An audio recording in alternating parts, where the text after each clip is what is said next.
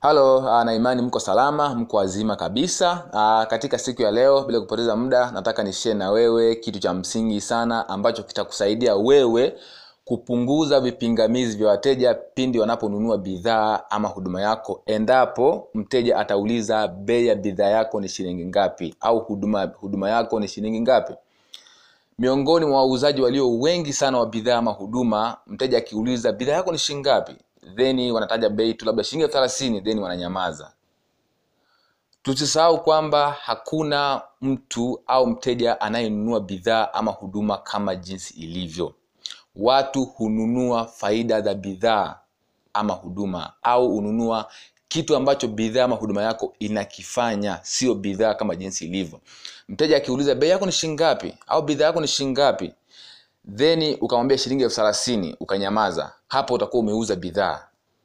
Ila hautakuwa umeuza faida za bidhaa yako. Ndio maana mteja atakupa kipingamizi kwa sababu hakuna mtu anayenunua bidhaa kama jinsi ilivyo. Wateja wananunua faida za bidhaa ama kazi ya ile bidhaa ambayo itafanya kwake. Wateja wananunua bidhaa kwa faida zao wao wenyewe na jinsi watakavyotatua matatizo yao. Kwa hiyo akiuliza bei ukasema tu ukataja bei then ukanyamaza kuna uwezekano mkubwa sana wa mteja huyo kukupa kipingamizi. Aidha kukwambia labda bei yako ni kubwa sana punguza au nitakuja kesho au nitakupigia baadaye.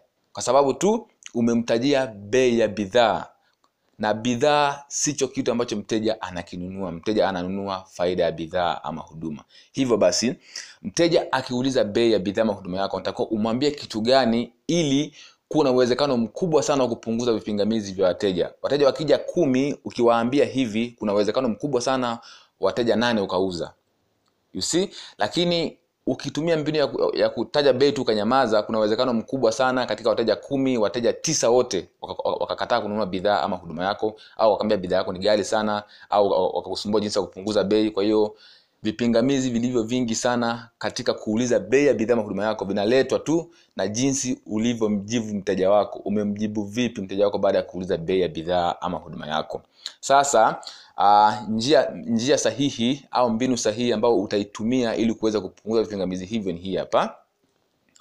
Uh, kuna kitu kinaitwa benefits out versus energy in au energy out versus benefits in. Hii ni mbinu ambayo ukiitumia itakusaidia sana. Iko hivi. Mteja akiuliza bei ya bidhaa yako unauza shilingi ngapi? Mwambie bidhaa ni shilingi au ni malipo ya shilingi elfu ishirini tu lakini kwa haraka haraka baada ya kulipia baada ya malipo hayo usisahau kwamba utapata vitu hivi na hivi na hivi na hivi na hivi. Baada ya kutaja bei ya bidhaa ama huduma yako mkumbushe mteja wako faida ambazo atazipata baada ya kununua bidhaa ama huduma yako. Bidhaa yako ina faida gani au ina kazi gani kwake? Kwa haraka haraka mkumbushe. Ukitaja bei kwanza then ukamtajia faida mteja ataona kwamba uh, faida faida zitakuwa ni kubwa kuliko bei uliyomtajia.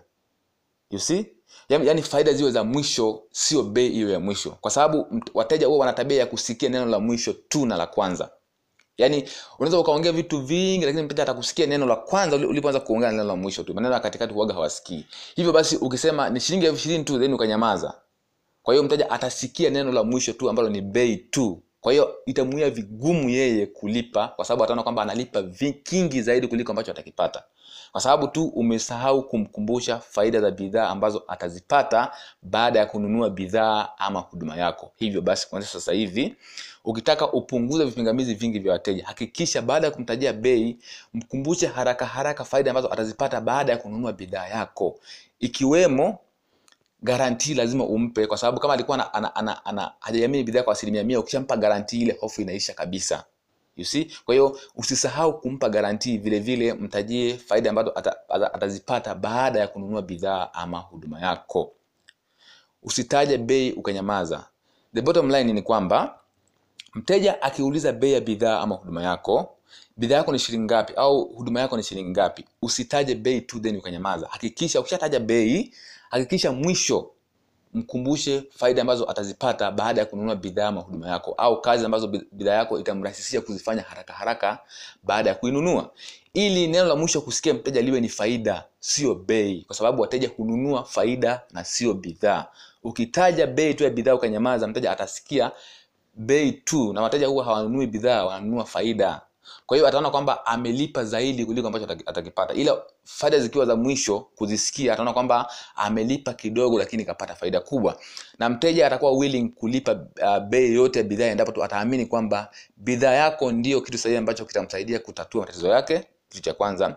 Kitu kingine aamini kwamba bidhaa yako ina faida nyingi kuliko bei ambayo ameitaja wateja huwa hawakatai kununua bidhaa endapo utam, utamthibitishia au utamwonyesha kwamba bidhaa yako itatatua tatizo lake na vile vile faida ambazo, faida ambazo atazipata ni kubwa kuliko bei ambayo atailipa.